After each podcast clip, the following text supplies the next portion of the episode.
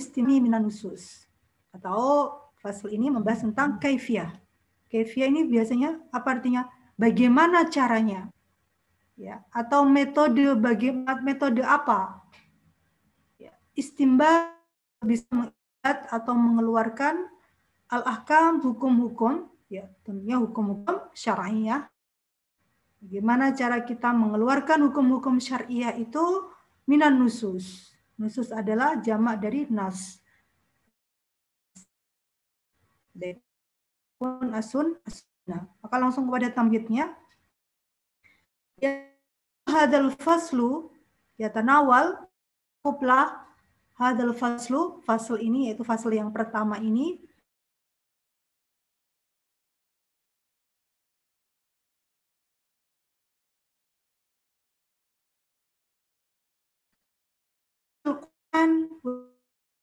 Bawiyah.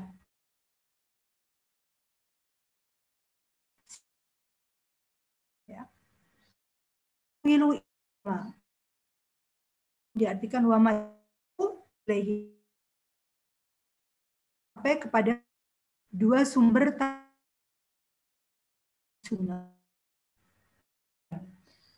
Wa fahmun nas yatawafu ma'rifati asalibil bayan fil lughatil arabiyyah wa fahmun nas. Jadi di dalam memahami nas ya tawakaf itu tergantung ala ma'rifat. Tergantung apa? Tergantung memahami ya. Jadi memahami uslub-uslub atau pemakaian fil al-arabiyah dalam bahasa Arab. Jadi tidak mungkin kita bisa memahami nas tanpa kita memahami uslub-uslub dalam bahasa Arab. Uslub amr bagaimana? Uslub perintah, uslub larangan bagaimana? Ya. Uslub khabar bagaimana? Berita. Nah, ini kita harus memahami ini terlebih dahulu.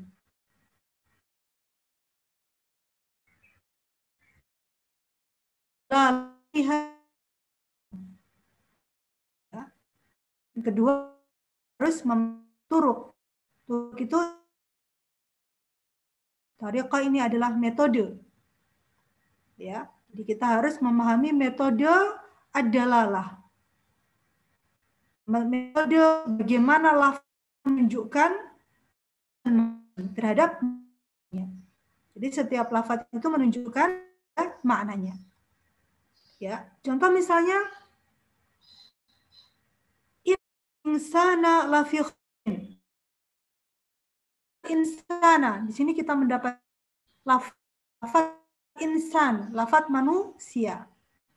Manusia menunjukkan apa?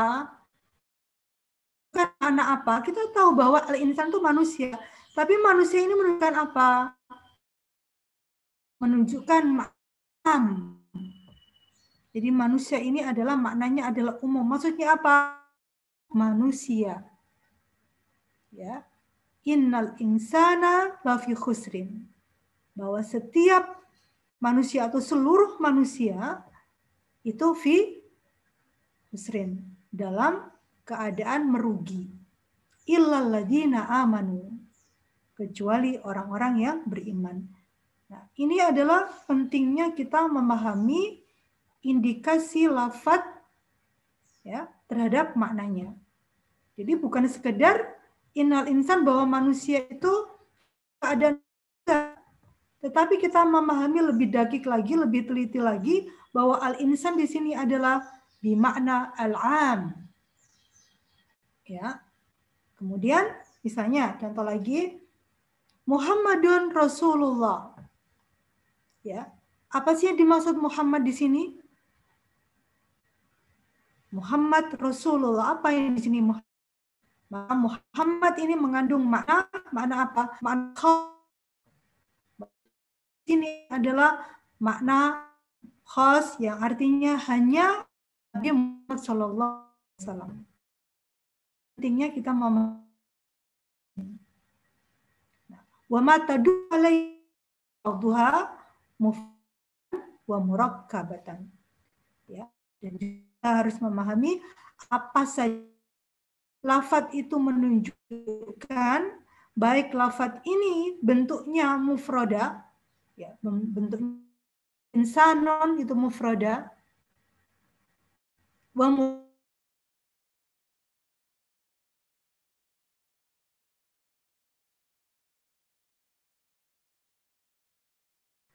Nah ini sangat penting kita memahami lafat-lafat ini cara klubnya maupun secara indikasi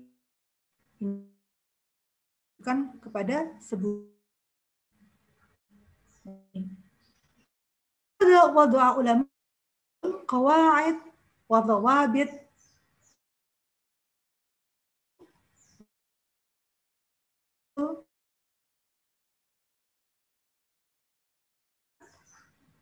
kawaid meletakkan kaidah-kaidah ya wadawabit. Wadawabit itu adalah juga landasan-landasan atau teori-teori ya.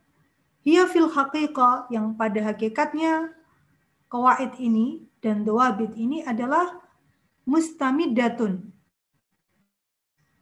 Apa? Mustamidatun itu perpanjangan min tabiatil lughatil arabiyyah, perpanjangan dari tabiat bahasa Arab. Jadi ulama usul itu meletakkan kaidah-kaidah atau teori-teori yang sebenarnya kaidah dan teori ini merupakan perpanjangan dari tabiat bahasa Arab. Jadi tidak mungkin keluar dari tabiat bahasa Arab. Ya. Wasti'maluha fil ma'ani. Dan juga pemakaian kaidah-kaidah dan doabit ini fil ma'ani yang diterapkan di dalam makna-makna bahasa Arab ya. Hasbuma qarara a'imma al sebagaimana yang ditetapkan oleh ahli bahasa. Wafon dan tentunya sesuai dengan dengan ulama asalib al arabiyah. Bagaimana caranya usul ini kaidah ini tentunya dengan melalui tatabbu ya menganalisa wastiqra ya sama ya menganalisa dan meneliti al asalib uslub berbahasa Arab. Jadi intinya adalah karena pentingnya kita mengetahui dalalah ya sebuah makna maka ulama usul telah menetapkan kaidah-kaidah dan juga teori-teori di mana teori ini adalah tidak lain merupakan tabiat lughah Arabia ya. Dan tentunya teori-teori ini juga tidak bertentangan sama sekali dengan ulama lughah ya. Caranya bagaimana ulama usul ini? Caranya adalah menganalisa uslub-uslub bahasa Arab. Mana amr ini menunjukkan kepada apa apakah makna umum ataukah makna khas? Ya apakah al insan di sini itu makna hakiko ataukah makna majaz nah ini uh, apa ada kaidah-kaidah yang telah ditetapkan oleh ulama usul. Ya kita lanjutkan. Wa wa alladhi qassama al usuliyun hadzal mawdu' qismaini. Nah maka ulama usul itu telah membagi tema ini menjadi dua bagian. Ya, dalam bagian menjadi dua bagian.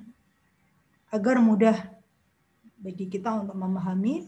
Yang pertama adalah dalalatun nas alal ma'na. Ya. Jadi dalalah ini dibagi oleh ulama usul menjadi dua bagian. Yang pertama adalah dalalatun nas alal ma'na. Indikasi nas ya, terhadap sebuah makna. Atau mungkin bahasa mudahnya adalah bahwa nas itu atau lafat itu menunjukkan kepada makna. Atau lafat itu pasti menunjukkan kepada sebuah makna. Tawakofu fi fatul syar'i. Ma'rifatu al-hukm syar'i. Jadi memahami hukum tergantung ala makna tergantung memahami ada makna lafaz tersebut. Memahami hukum syar'i tanpa kita memahami makna lafaz tersebut. Ya. Wahada yashmulu bahsal khas. Maka dalam pembahasan ini, pembahasan dalalatun nasi alal makna, ini mencakup pembahasan khas. Mencakup pembahasan am, al-mushtarak, al-haqiqah, wal majaz, ya, wa ghairiha min haitsu innaha tufidul ma'na. Di mana khas, am, mushtarak, haqiqah, majaz, dan yang lain sebagainya itu sangat mempengaruhi makna lafaz. Mungkin memberikan gambaran sedikit apa itu khas. Ini insya Allah akan kita bahas secara rinci ya. Ini gambaran saja. Jadi khas itu adalah suatu lafaz ya yang diletakkan untuk menunjukkan kepada satu makna. Ala sabil infirad. Dengan cara apa infirad sendiri-sendiri ya jadi artinya gini gimana jadi artinya gini contohnya ya. Dalam firman Allah Ta'ala qaulu ta'ala a'udzu billahi minasyaitonir rajim fasiyamu salasati ayyamin. Puasa selama tiga hari. Ya fasiyamu salasati ayyamin fil haji ya. Wasabatin idza raja'tum.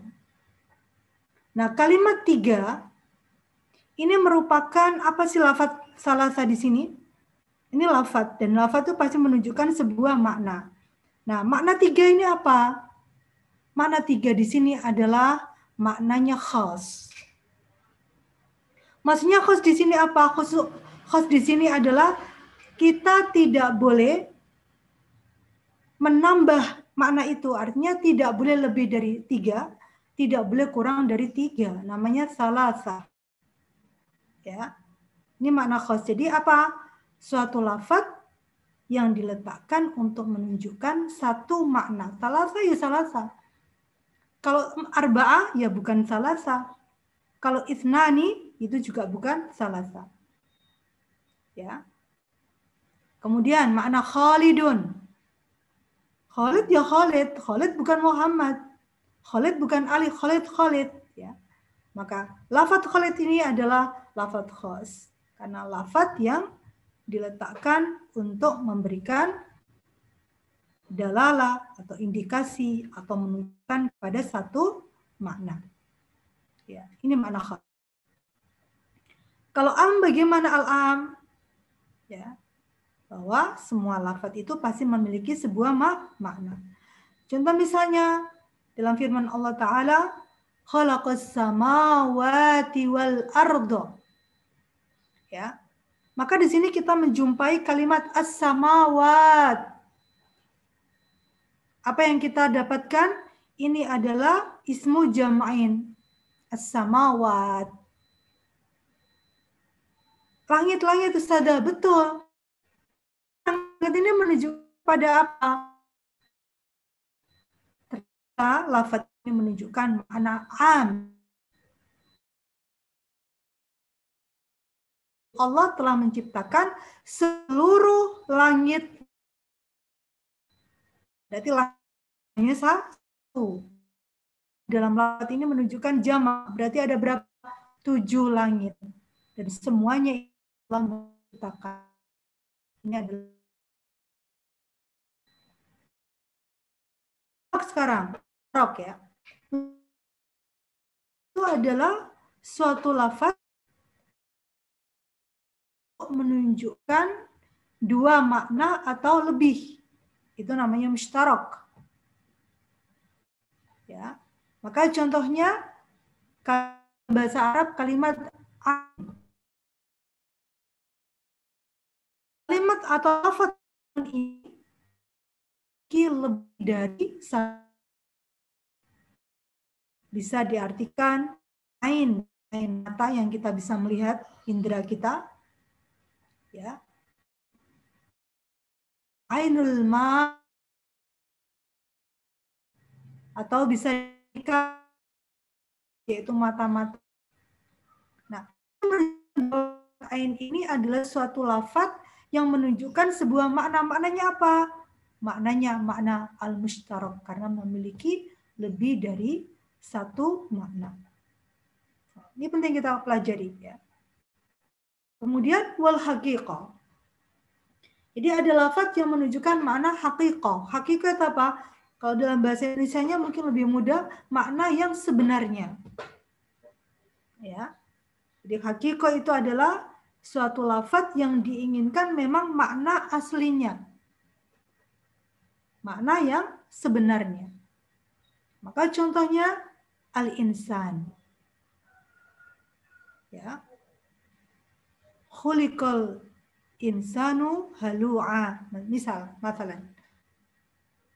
Nah, kita mendapatkan kalimat insan ini. Kalimat insan ini maknanya apa? Maknanya adalah makna hakiko yang sebenarnya.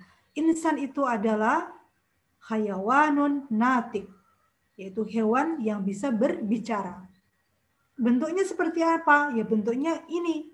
Dia memiliki dua mata, punya hidung, ya, punya mulut,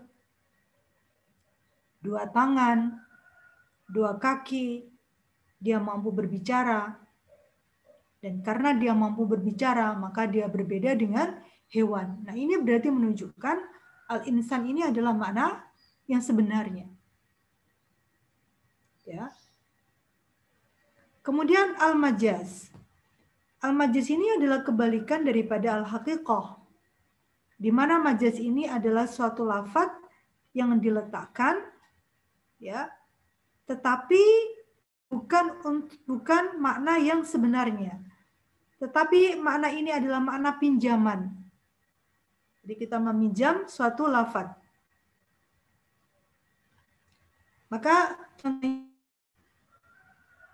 misalnya roa itu roa itu asada ya yahmilus saifa misalnya. Bahwa aku melihat asad ya melihat apa asad itu eh, harimau. Saya melihat harimau itu membawa pedang ya.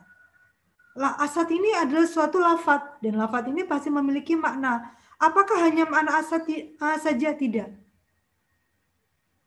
Apakah Asad ini adalah anak hakiko? Bahwa Asad itu memang benar-benar mampu membawa pedang? Mustahil. Ya. Berarti Asad ini bukan makna yang sebenarnya, tetapi Asad di sini adalah pinjaman. Kita meminjam Asad karena memiliki kesamaan dengan manusia yang memiliki syaja'ah, memiliki keberanian Ya. Nah, ini adalah perbedaan antara hakiko dan majaz. Wagairia dan masih banyak lagi dan insya Allah akan kita bahas ya pada semester ini. Nah, ini globalnya ya. Nanti kita uh, apa bahas lebih uh, rinci lagi.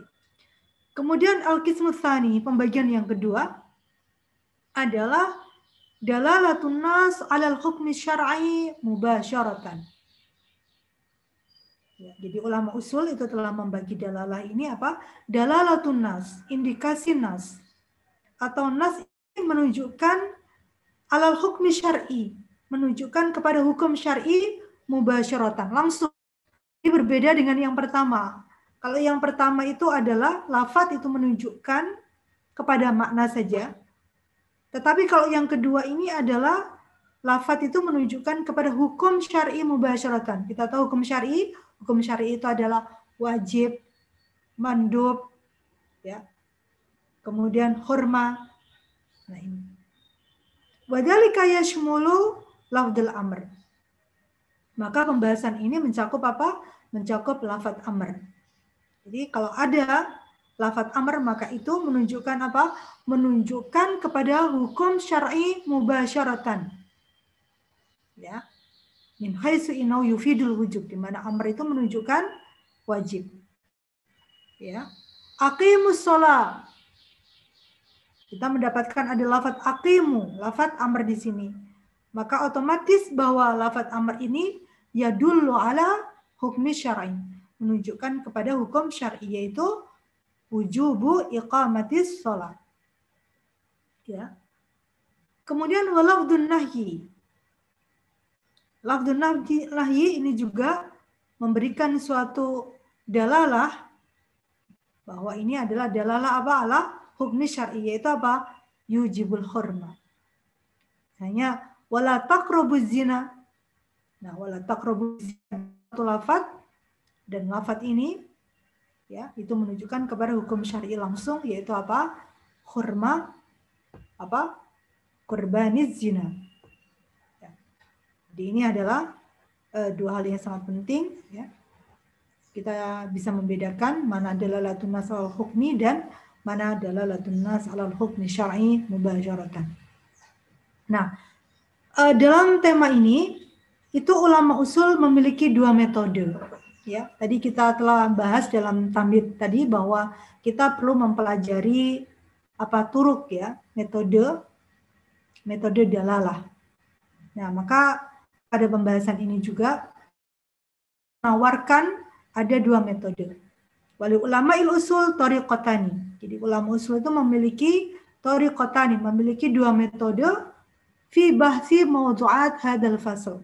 Dalam membahas tema dalam fasal ini. Yang pertama adalah tariqatul Hanafiyah.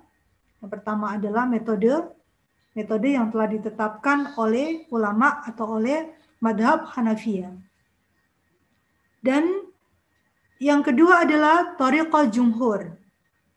Ya, Toriko Jumhur, namanya Jumhur berarti selain daripada Hanafiyah. Jadi termasuk Toriko Syafi'iyah, Toriko Hanabila, dan Toriko Malikiyah. Atau yang dikenal dengan Toriko Al-Mutakallimin. Ya. Jadi, atau Toriko atau metode Mutakal Mutakalimin. Ya, kita lanjut ya.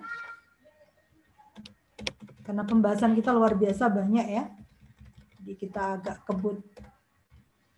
Nah ini, taksimatul lafdi bi khasbi dalalati ala makna yang sesuai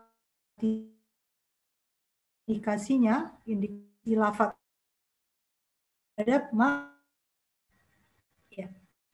Qasam al-Hanafiyah makna ada setelah membahas lafat itu binisba ilal makna lafat ditinjau dari memiliki lah kepada makna itu ada empat bagian. Ya. Jadi lafat itu menunjukkan kepada sebuah makna. Dan ini ada empat bagian. Bagian yang pertama bi'tibari wad'il lafdi lil makna. Pertama, ditinjau dari lafat itu diletakkan untuk sebuah makna. Ya, jadi lafat itu dibuat atau diletakkan atau dibangun itu untuk memiliki makna. Makna apa? Ada empat. Bisa di lafat ini diletakkan untuk makna khas, bisa diletakkan untuk makna am, bisa diletakkan untuk makna mustarak dan bisa diletakkan untuk makna al-muawwal. Ya, khas tadi sudah ada gambaran, am sudah ada gambaran, al-mustarak juga tadi sudah Ustazah singgung ya. Kemudian al-muawwal. Al-muawwal ini adalah mentarjih. Mentarjih dari yang mustarak. Kita tahu bahwa mustarak tadi adalah satu lafaz tetapi memiliki dua makna atau lebih. Ya. Maka muawal tarjih. Contoh misalnya kalimat al-quru dalam firman Allah ya tarabbasna bi anfusihinna salah satu quru. Ya. Maka lafat quru ini adalah lafat mustarak. Di mana Imam uh, Abu Hanifah berpendapat bahwa kuru di sini adalah al-haid sedangkan asy-syafi'i ya itu berpendapat bahwa al-quru di sini adalah adalah tohar suci. Maka ini adalah muawwal. Jadi Imam Syafi'i mentakwilkan makna kuru ini adalah adalah toher. Nah, ini namanya muawwal. Ya. Jadi muawwal ini tidak lepas daripada lafat mushtarak atau makna mushtarak. Ya. Ini ditinjau dari apa? Lafat itu dibuat atau dibangun atau diletakkan untuk makna. Makna apa saja? Makna khas, makna am, makna mushtarak, dan makna muawwal. Kemudian taksim musani, ya, taksim musani pembagian yang kedua, bi'tibar istimalil labdi fil makna. Bi'tibar. Ya, ditinjau dari labdi fil makna, pemakaiannya. Kalau tadi adalah peletakannya, kemudian yang kedua adalah pemakaiannya. Ya. Jadi digambarkan ya beda ya antara peletakannya dan pemakaian. Nah, untuk pemakaian lafat ini itu juga ada empat. Yang pertama, al-hakiko.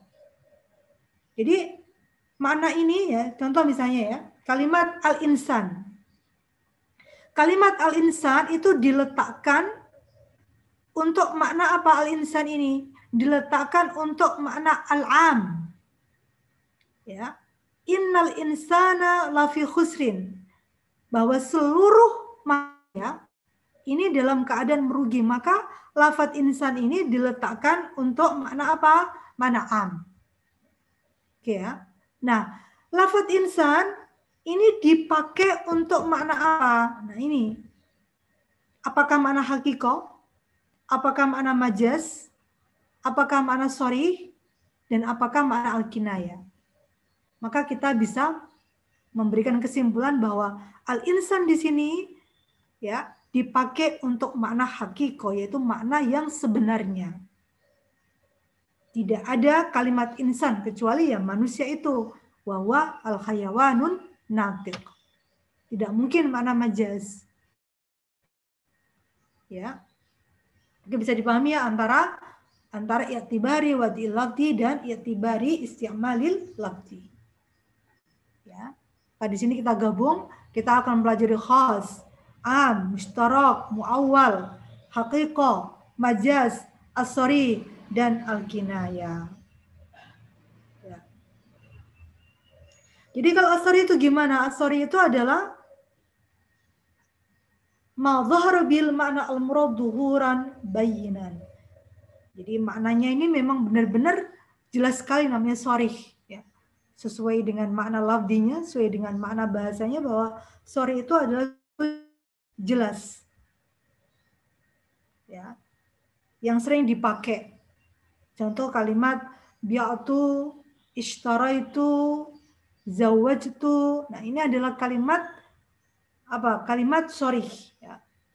Jadi tidak ada pentakwilan ya kecuali ya memang udah ma'ruf ya, udah bisa dipahami oleh semua orang yang mendengar. Ya. Beda dengan al-kinayah.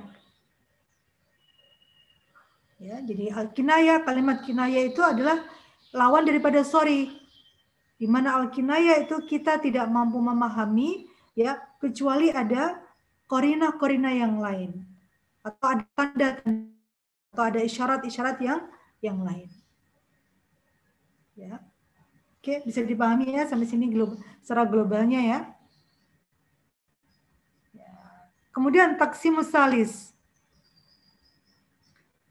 Taksim salis, taksim, pembagian yang ketiga adalah bi'atibari dalalatil lafzi 'alal makna bi khasbi dhuhuril makna wa khafaihi. Nanti ditinjau dari bahwa lafat ini memiliki makna tetapi tinjauannya itu apakah maknanya itu uh, duhur jelas ya, tampak dan apakah maknanya ini khafi yaitu tersembunyi ya luar biasa sekali ada empat yang dohir mufassir tentang al-hukum kalau khafi ada ada mujmal ada ya Kemudian bi'tibari dia. Kailala alatil lafdi anahu. Bagaimana cara indikasi lafat itu atau lafat itu menunjukkan kepada sebuah makna. Jadi artinya di sini adalah cara bagaimana yang diinginkan kami di sini. Yang dipaham, yang ingin dipahami oleh lafat ini apa? Ya, maka kita akan ada empat ada empat tema ini. Ada dal bil ibarah, ada dal bil isyarah, ada dal bil dalala, ada dal bil iktidha. Ya luar biasa banyak. Jadi ini gambaran singkat mungkin uh, saya yakin ya antum semua mungkin masih bingung karena belum tahu hanya global saja maka kita pelan-pelan saja kita mulai dari pertama yaitu dari khos taksimul awal ya. Jadi kita tadi apa taksimul awal itu ditinjau dari lafaz diletakkan untuk sebuah makna.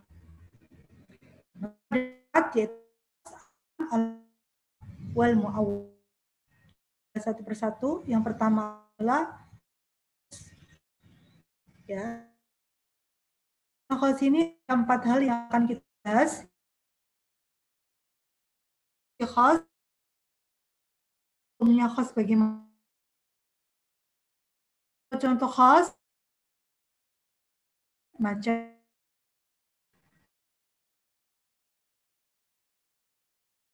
الخاص بسم الله الرحمن الرحيم. تعريف الخاص هو اللفظ موضوع واحد على سبيل وهو إما أن يكون موضوعا لشخص معين كأسماء kasma'il alami mithlu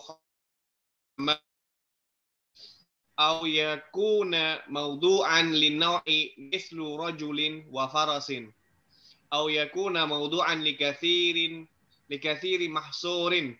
Ka asma'il a'dadi kathnaini wa thalathatin wa wa ashratin wa alfin wa qaumin wa rahtin au yakuna mawdu'an lil jinsi ka insanin au liwahidin bil ma'ani kal alami wal jahli.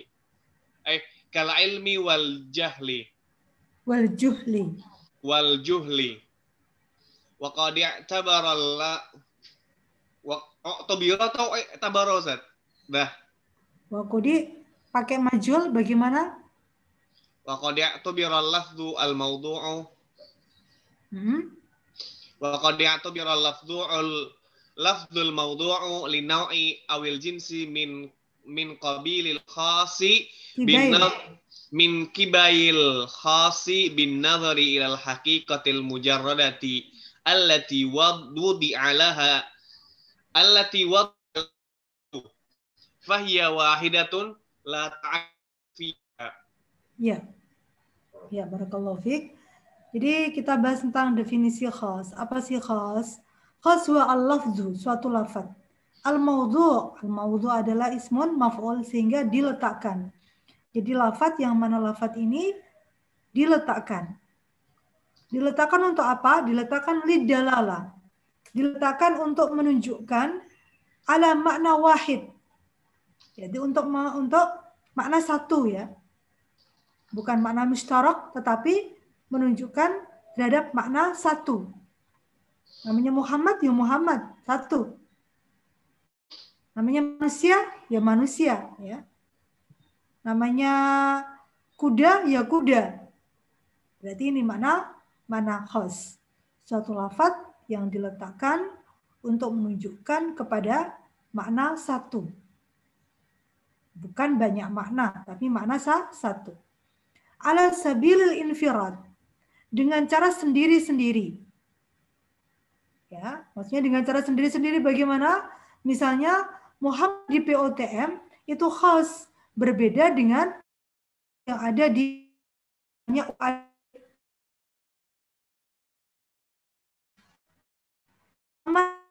POTM. Ini yang adalah Muhammad bukan ya Wa wa imma yakuna mawdu'an li syasin muayyan. Ya. Wa wa jadi lafaz khas itu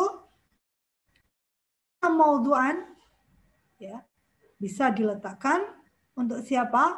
Li syasin muayyanin. Untuk seseorang tertentu. Maka seperti nama-nama aklam, nama-nama orang. Ya. Khalid. Khalid ya Khalid. Maka Khalid itu khas ya Muhammad atau nama negara misalnya Mesir, Indonesia, ya Saudi.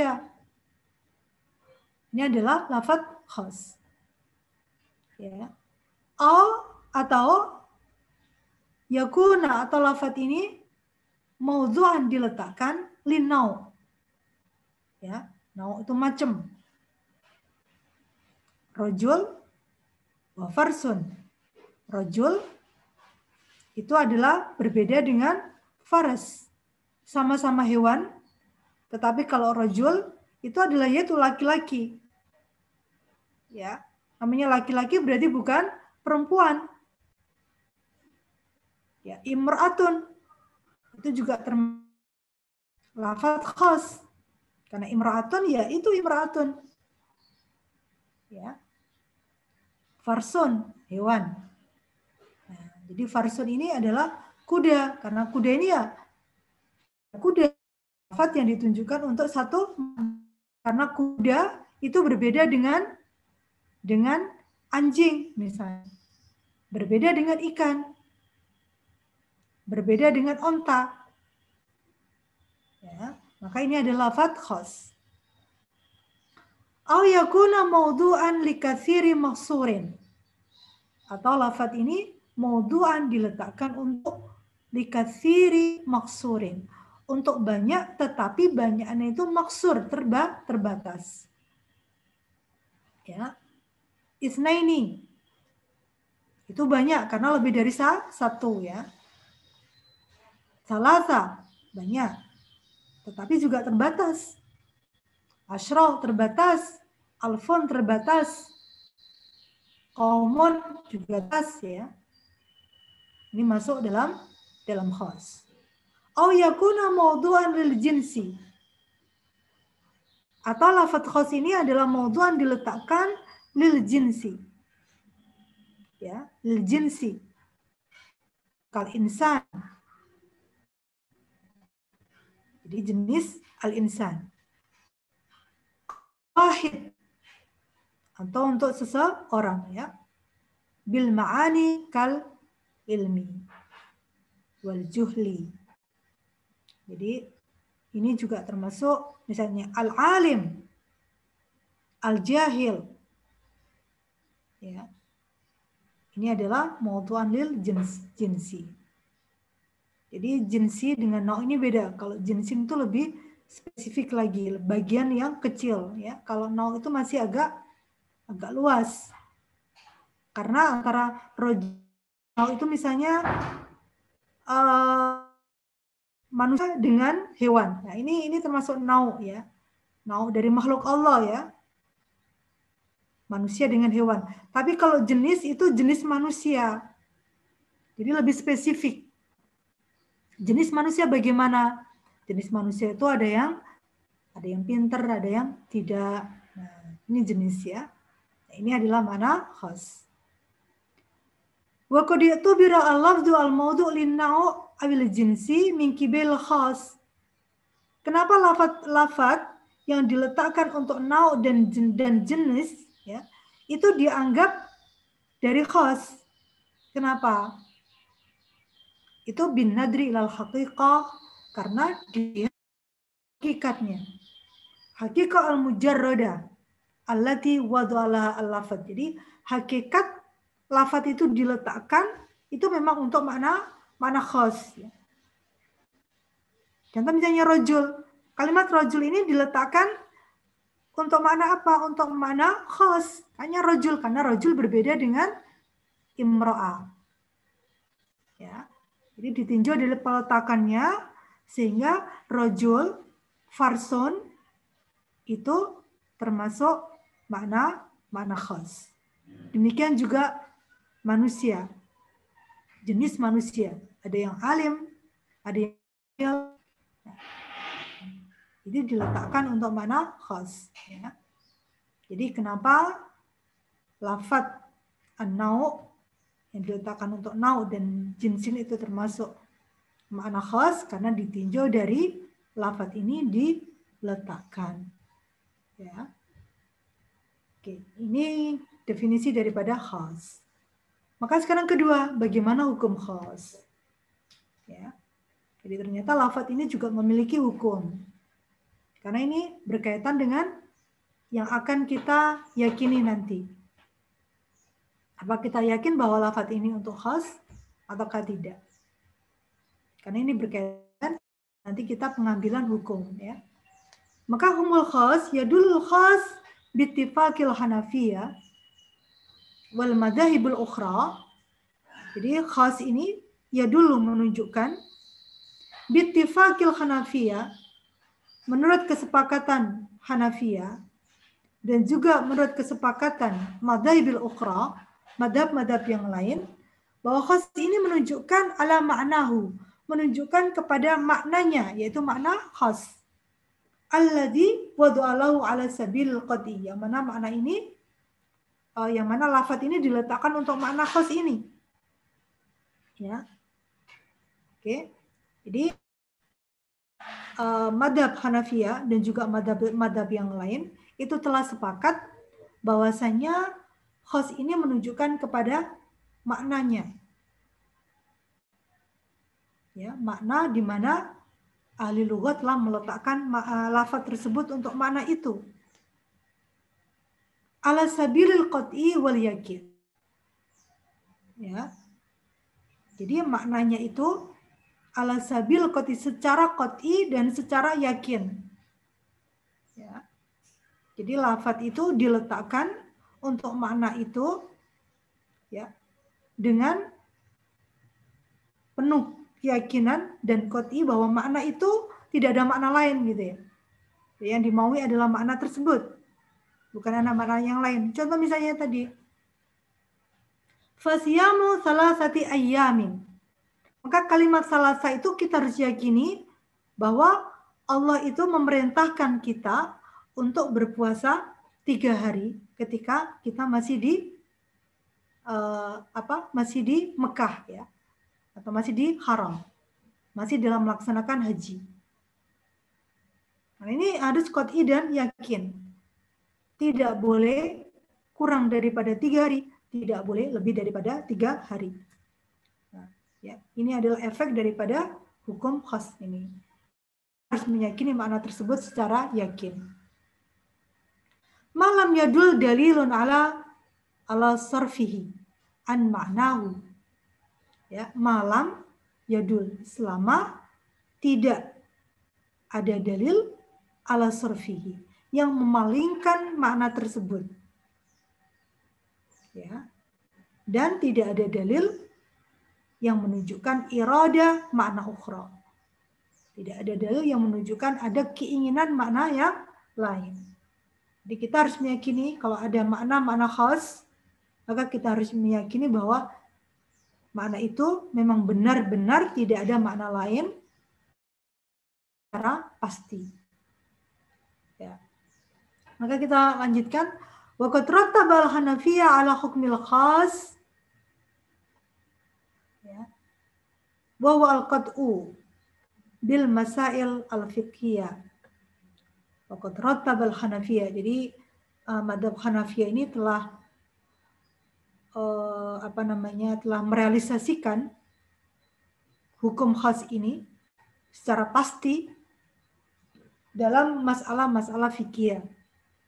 Kita lihat ya, bagaimana efek daripada hukum khas menurut Hanafiya dan ini telah diterapkan di dalam masalah-masalah masalah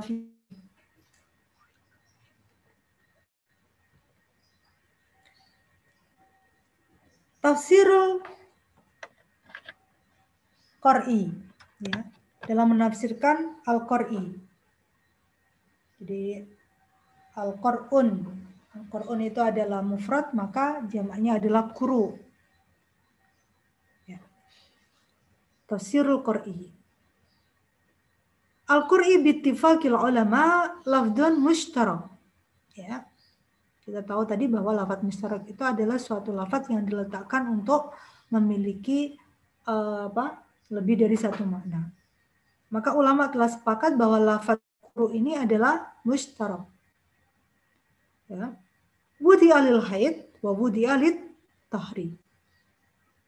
Ya, jadi qur'u ini adalah diletakkan untuk makna haid dan juga makna at-tahar yaitu suci. Wal murad minhu makna muayyan. Tetapi yang dimaui ya, pada lafat kuru ini adalah jelas harus makna muayyan, makna tertentu. Nggak boleh kita memberikan makna terkadang kita haid, terkadang tar, tapi kita harus memilih salah satu. Ya. Waqat nasut al ayatul karimah dan telah dinaskanlah al ayat ayat Al-Quran itu ya. Ala anna iddatal mutallaqah al-madkhul biha salah satu quru. Bahwasanya masa istri itu ditalak ya itu adalah tiga kali kuru. Fi qali ta'ala dalam firman Allah Ta'ala wal mutalaqqatu yatarabbasna bi anfusihinna salah satu quru. Nah. Fakal al-Hanafiyah wal Hanabila, maka menurut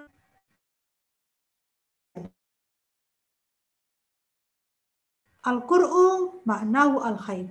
Jadi Hanafiyah mentakwilkan, ya, memilih dari lafat mustarak itu makna al-khair.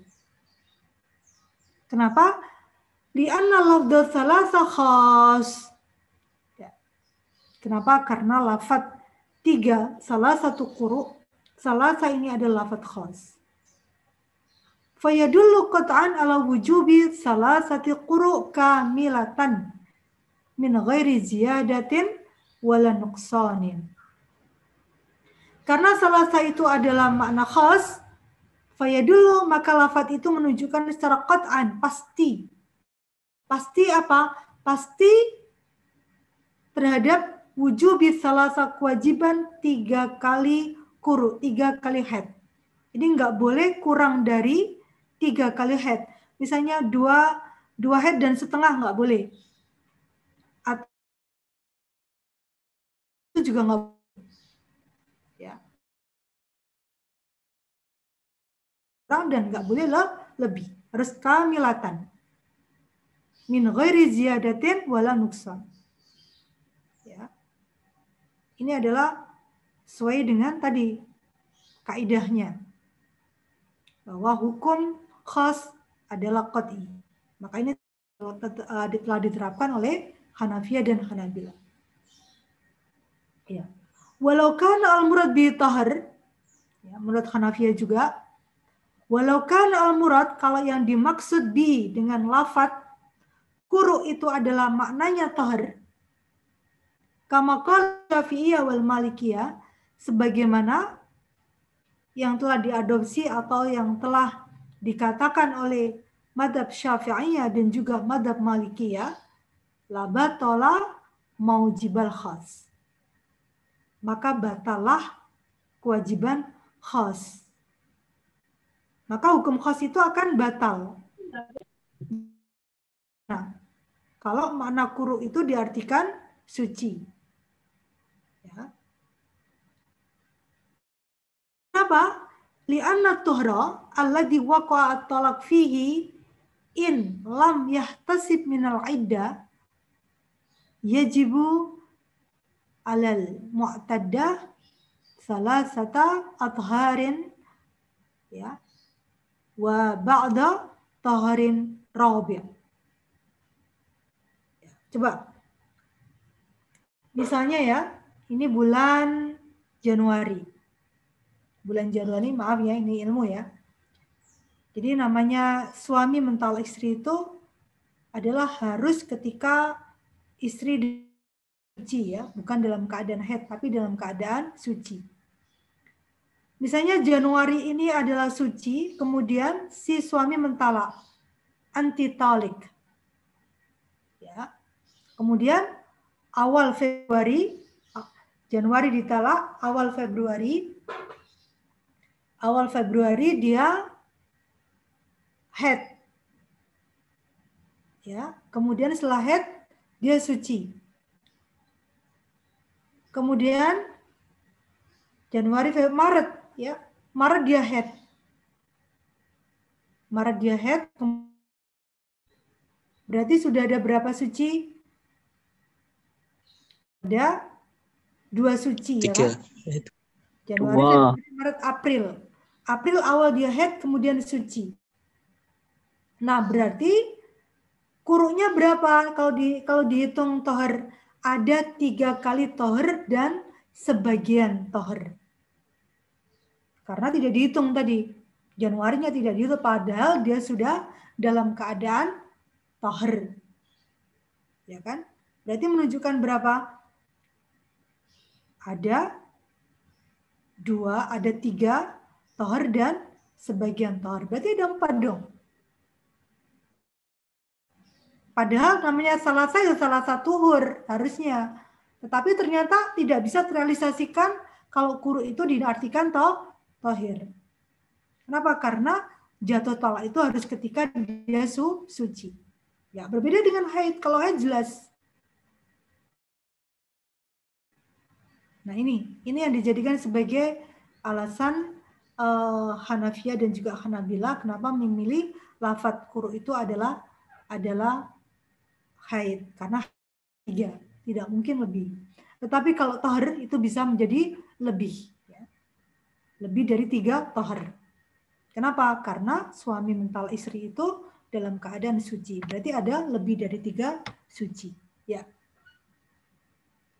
Ini adalah uh, apa relevansi atau penerapan hukum hukum khas dengan masalah-masalah fikih yang telah dikemukakan oleh Hanafiya dan sebenarnya masih banyak sekali ya di fikih Islam banyak sekali.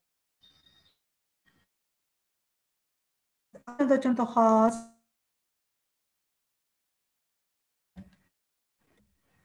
Amsilatul khas, contoh-contoh khas. Mislu lafaz salah satu ayam. Ya. Contoh lafaz fasiyamu salah satu ayam. Berpuasa. Wa mislu lafzi ashra. Fi qali ta'ala. Fakafaratu it'amu ashrati masakin maka kafarah dia adalah it'am memberikan makan 10 fakir miskin. Kalau 10 fakir miskin ya 10. Ya. Gak boleh kurang dan gak boleh lebih. Ya, dulu kula minal adada ini ala ma'nahu qata'an. Maka setiap dari dua bilangan tersebut, yaitu tiga dan sepuluh, itu menunjukkan kepada maknanya kotaan secara pasti. Walayah tidak boleh ada ihtimal ya ziyada au nuksan. Ya, jadi harus pasti tiga atau sepuluh sepuluh. Ya. Wa misalu qali ta'ala dan juga contoh yang lain Aqimus sholat Ya. Aqimus salat wa atuz zakah. Kullu minhuma amrun. Maka setiap akimu dan atu itu keduanya adalah lafat amr. Wal amru minal khas. Dan termasuk dari makna khas. Kenapa? Karena menunjukkan kepada satu makna, yaitu perintah. Ya. Fayadullu qat'an ala wujubis shalah wa zakah. Maka lafat ini, yaitu lafat amr ini, qad'an secara pasti menunjukkan kepada kewajiban menunaikan sholat dan kewajiban untuk atau zakat, memberikan atau mengeluarkan zakat. Ya.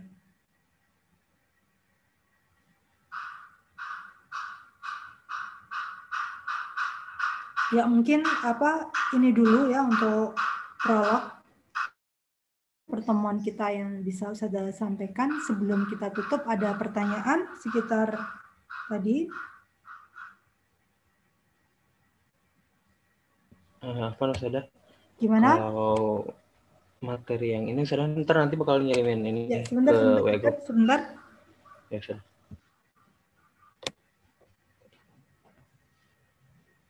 Eh, mana ya? Desna. Abi. Abi. Oh, Bentar. Handsetnya mana mas? Handset. Ya,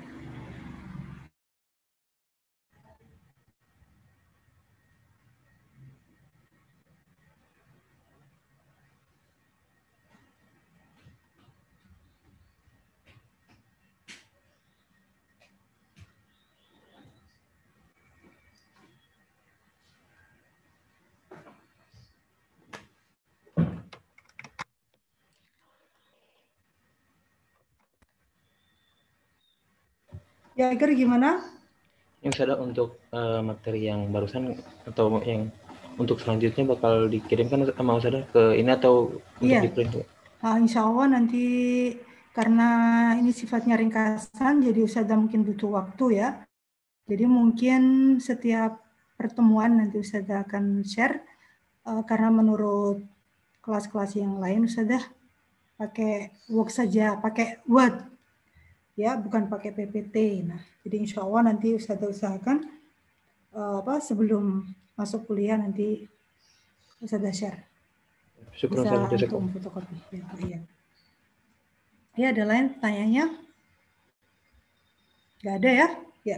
Maka kita cukupkan dulu pertemuan kita kali ini eh, dengan membaca doa kafaratul majlis bersama-sama. Subhanaka Allahumma subhanaka wa bihamdika asyhadu an la ilaha illa anta astaghfiruka wa atubu ilaik.